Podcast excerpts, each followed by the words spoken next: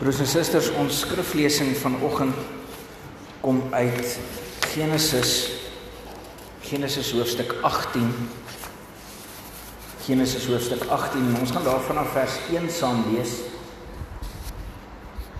Genesis hoofstuk 18 vanaf vers 1 en ons gaan tot by vers 19 lees. Die tema van die boodskap vanoggend is aanbid ons se voorvader Gees wanneer ons Nkosi Sikelele in Afrika sing. Dis die vraag. Baie mense het al daardie vraag gevra onlangs. Is daar ook so 'n videoklip wat op WhatsApp en op Facebook en ander sosiale media deurgestuur is waarin 'n redelike bekende persoon beweer dat dit is wat ons doen as ons Nkosi Sikelele Afrika sing, die volkslied sing is dat ons aanbid 'n Voorvader Gees en ek sal baie graag saam met julle dit wil ondersoek ook vanoggend. Kom ons buig net ons hoofde in bid saam. Here Jesus, wanneer ons so uit u woord uit lees en u God die Heilige Gees in ons woon, wil ons vra dat u dit vir ons moontlik sal maak om nie net met ons hart en met ons brein te kan dink nie maar dat ons ook saam daaroor sou kan dink en hoor wat u in ons sê. Praat asseblief met ons. Ons bid dit in Jesus naam alleen. Amen. Genesis hoofstuk 1 vanaf vers 1. Die Here het aan Abraham verskyn by die groot bome van Mamre terwyl hy op die warmste terwyl hy op die warmste van die dag by sy tent deursit kyk hy op en sien drie mans daar naby staan. Toe hy hulle sien, het hy van sy tentdeur af na hulle toe gedraf en voor hulle gebuig. Hy het gesê: "Meneere, u sal my 'n guns bewys deur nie by my verby te gaan nie. Laat ek eers 'n bietjie water laat haal sodat u u voete kan was en kom rus dan onder die boom." U is nou eenmal op pad hier by my verby en daarom wil ek 'n stukkie brood vir u gaan haal dat u weer nuwe krag kan kry. Hulle het vir hom gesê: "Goed, maak so." Abraham het toe gou na Sara toe in die tent gegaan en vir haar gesê: "Vat gou 16 kg meel en knie dit en bak roosterkoeke." Daarna het hy na die beeste toe gedraf en 'n mooi jong kalf gevat en vir 'n slaaf gegee om dit gou voor te berei. Toe het Abraham botter en melk en die kaal wat voorberei is gevat en voor die mans neergesit. En hulle het daar onder die boom geëet terwyl hulle bedien, terwyl hy hulle bedien. Toe vra hulle hom: "Waar is jou vrou Sara?" En hy antwoord: "Hier in die tent." Toe sê die een: "Ek sal beslis volgende jaar hier hierdie tyd na jou toe terugkom en dan sal jou vrou Sara 'n seun hê." Sara het by die tentopening gestaan en afgeluister en die een wat gepraat het was aan die buitekant. Abraham en Sara was albei al baie oud en Sara was verby die ouderdom van kinders in die wêreld bring. En daarom het sy by haarself gelag en gedink: "Sal ek nog genot kan hê nou dat ek afgeleef is en dit met my man wat oud is?" Toe vra die Here vir Abraham: "Waarom lag Sara? Waarom dink sy sal ek werklik 'n kind in die wêreld bring nou dat ek oud is?" Is iets te buitengewoon vir die Here. Op die vasgestelde tyd sal ek terugkom. Volgende jaar hierdie tyd sal Sara 'n seun hê. Sara het geskrik en toe alleen vertel. Ek het nie gelag nie, het sy gesê, maar die Here het gesê nee, jy het gelag. Toe die mans opstaan om te vertrek, het Abraham 'n entjie saam met hulle gestap. Die mans het afgekyk in die rigting van Sodom. En toe dink die Here, sal ek vir Abraham wegsteek wat ek wil doen? Abraham sal tog 'n groot en sterk nasie word en in hom sal die nasies van die aarde geseën word.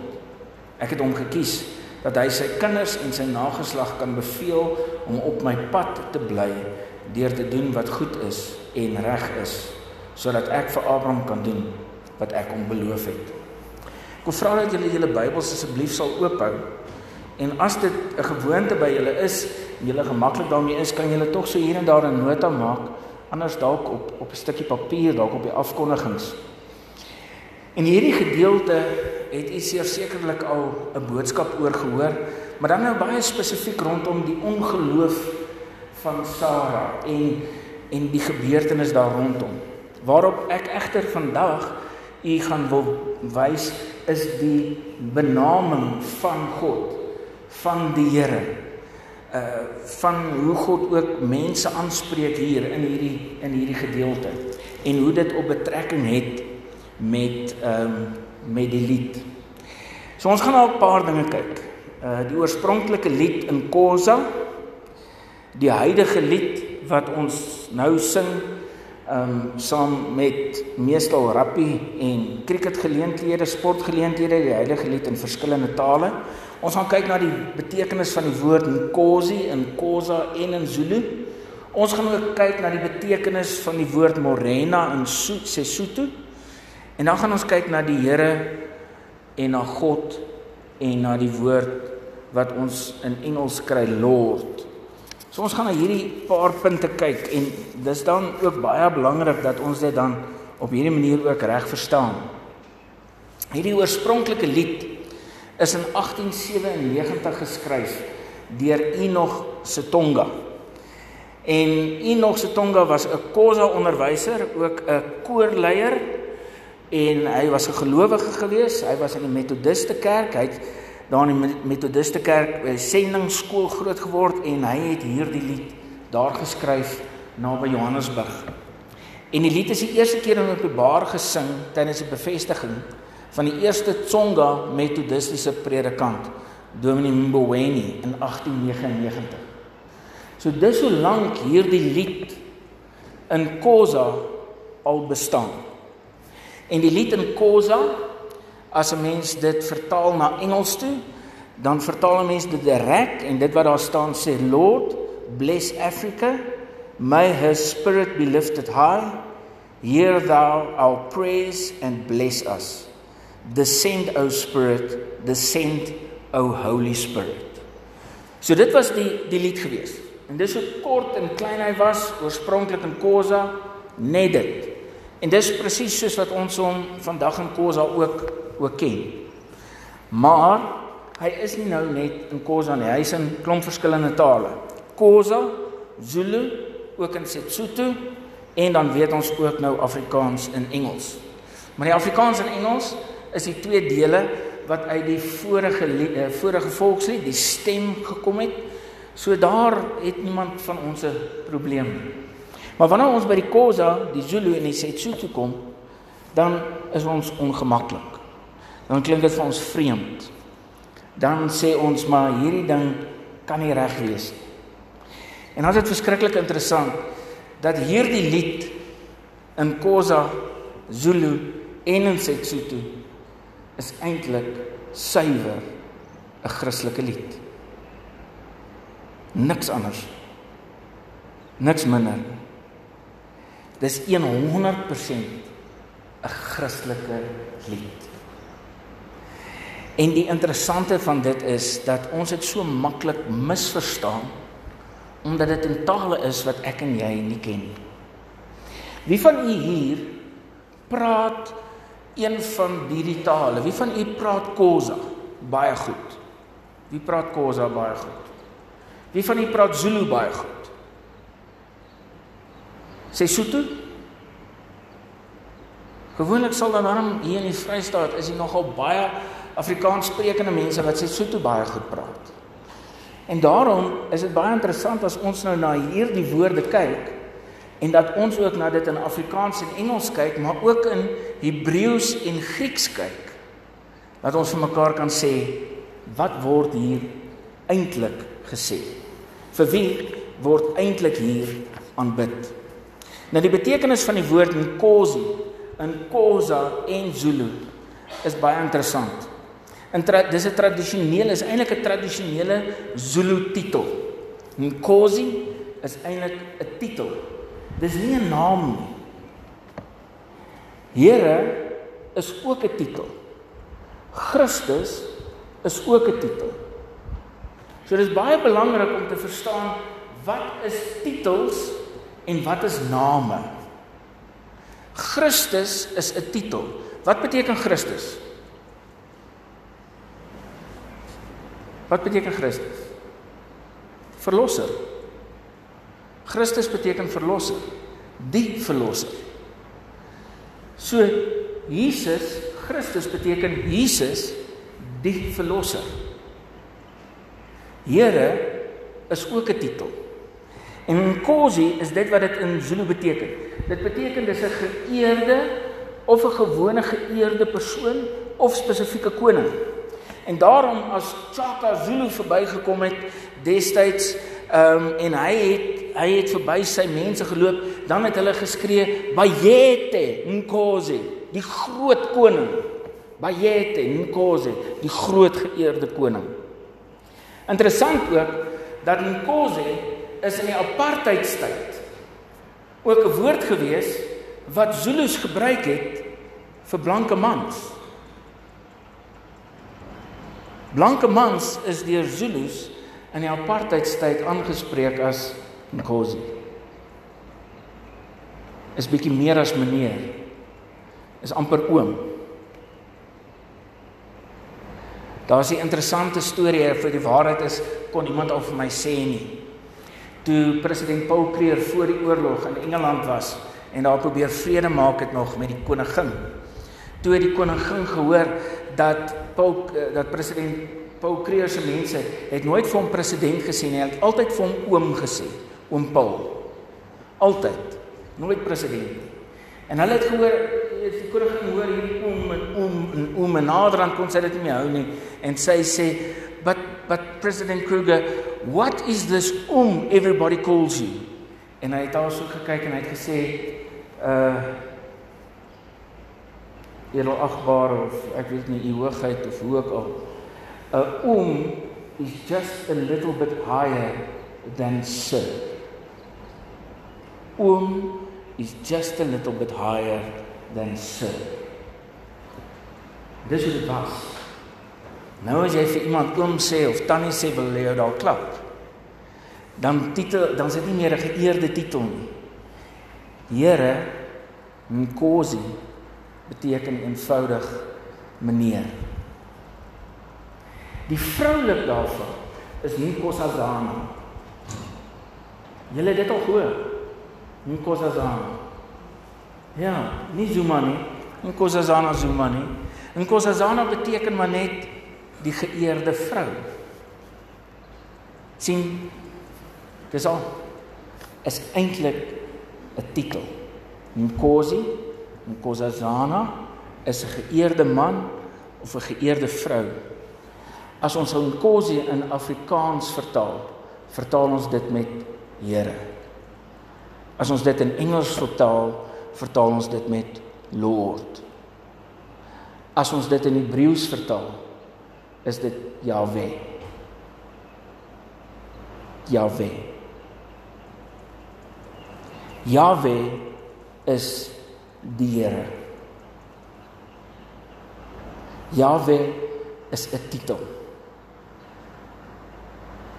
Dis die Here. Dis wat hier gesê word.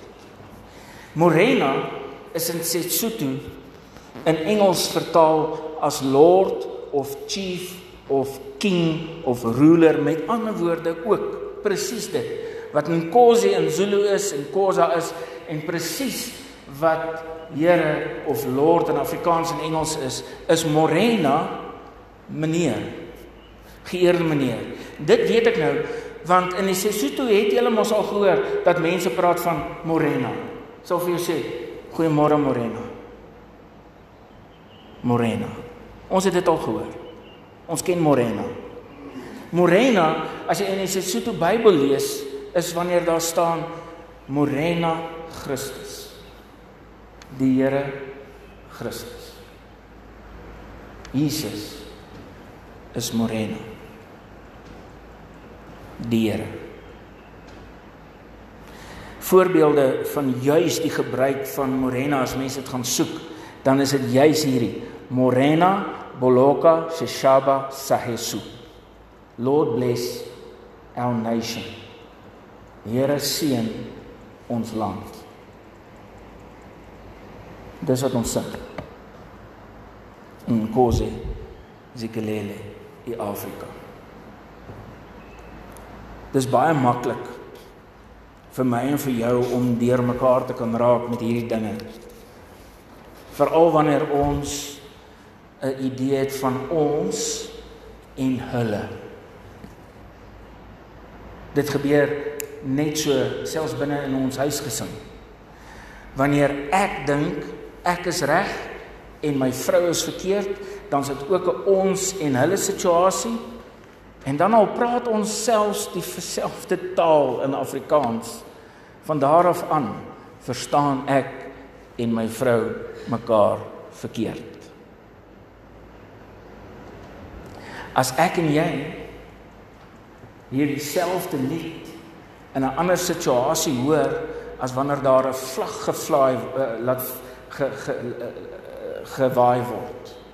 As ons hierdie lied hoor dat hy eintlik binne in kerke gesing word. Baie meer as met politieke gebeure.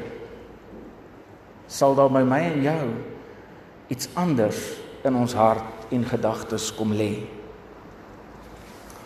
Hier in Genesis hoofstuk 1, Genesis 18 hoofstuk 1 staan daar die Here het aan Abraham verskyn en die Here, die woord daar in Hebreëus is Jahwe.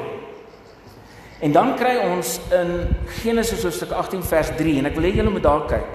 Daar sou staan, hy het gesê: "Meneere, u sal my 'n guns bewys deur nie by my verby te gaan nie." Daardie meneere daar wat hy daar aanspreek is die woord Adonai. Adonai. En Adonai is een van die woorde wat ons meerendeels vertaal met God. Ons vertaal Adon met God en Adonai is eintlik gode. Dis die meervoud.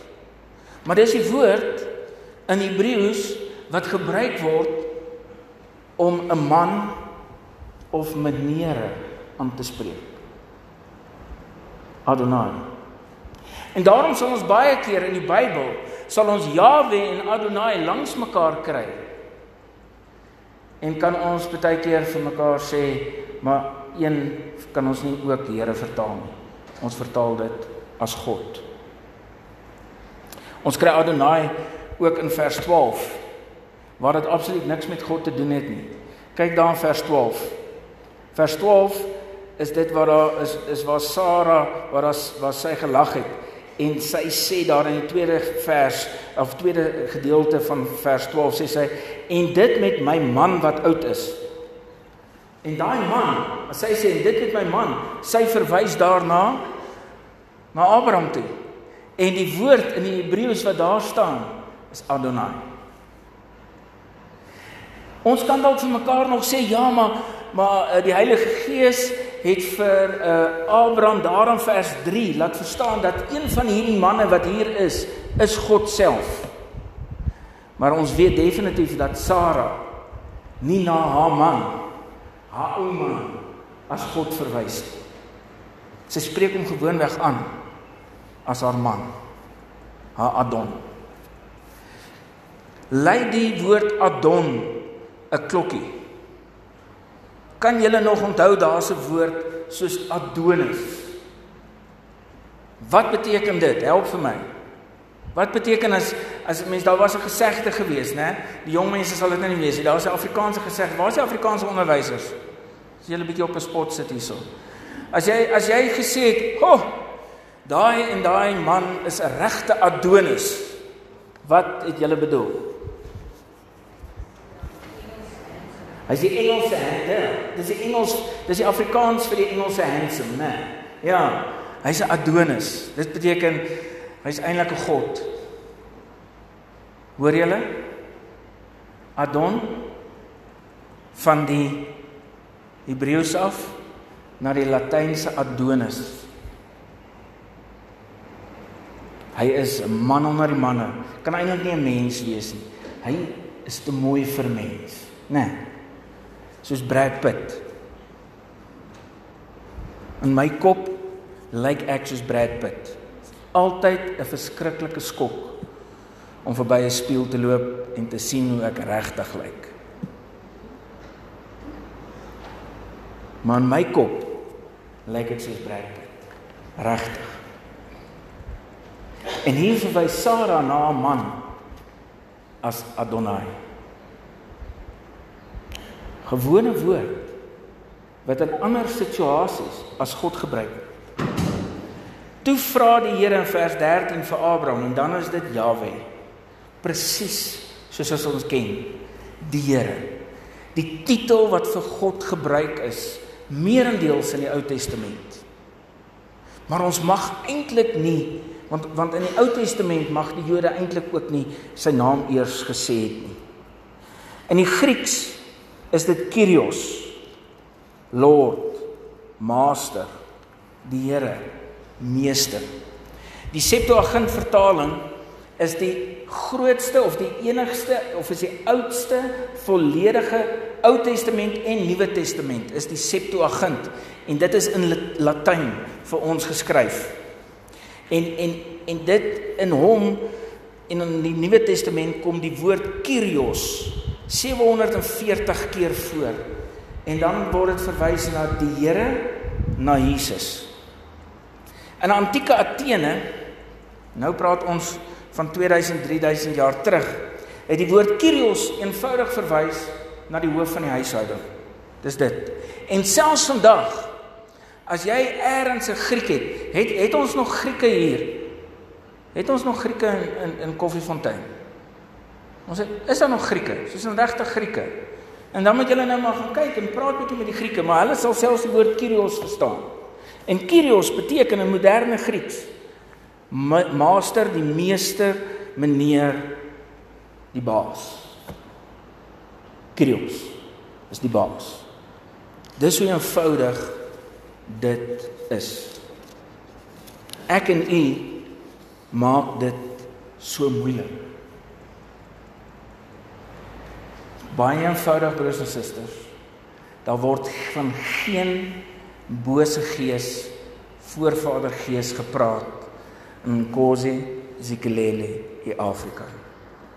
Glad nie op dieselfde manier wat ek en jy die woord gees en God ook vir verskillende gode en geeste kan gebruik. Die woord God God dink die slim mense wat met tale werk is so tussen 4 en 'n half en 7000 jaar oud. En dit kom uit die tyd waarskynlik in die proto-indo Europese tyd waar hulle die woord gu gebruik het.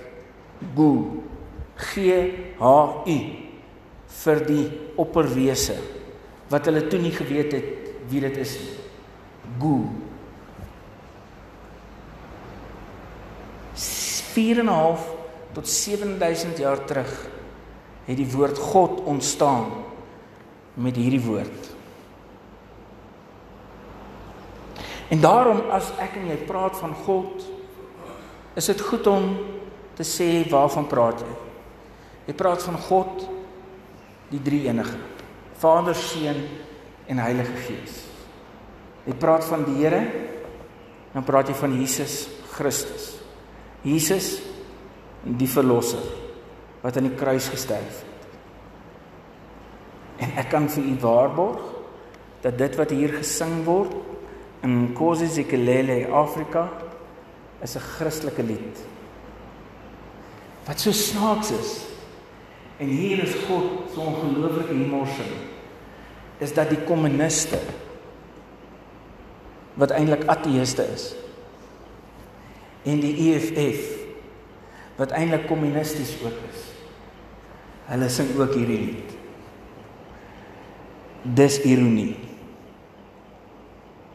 dat iemand soos Nando's nog nie 'n uh, 'n advertensie soos wat hulle kan maak hieroor gemaak het nie.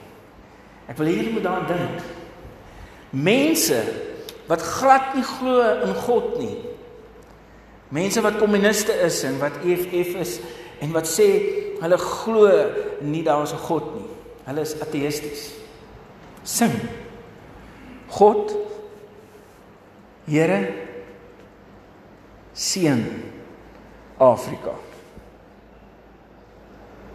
Dis snaaks. Moenie ophou om dit te sing nie. Maar sing dit uit volle bors. Waar jy ook al kan. En loof en prys God se naam hiermee. Amen.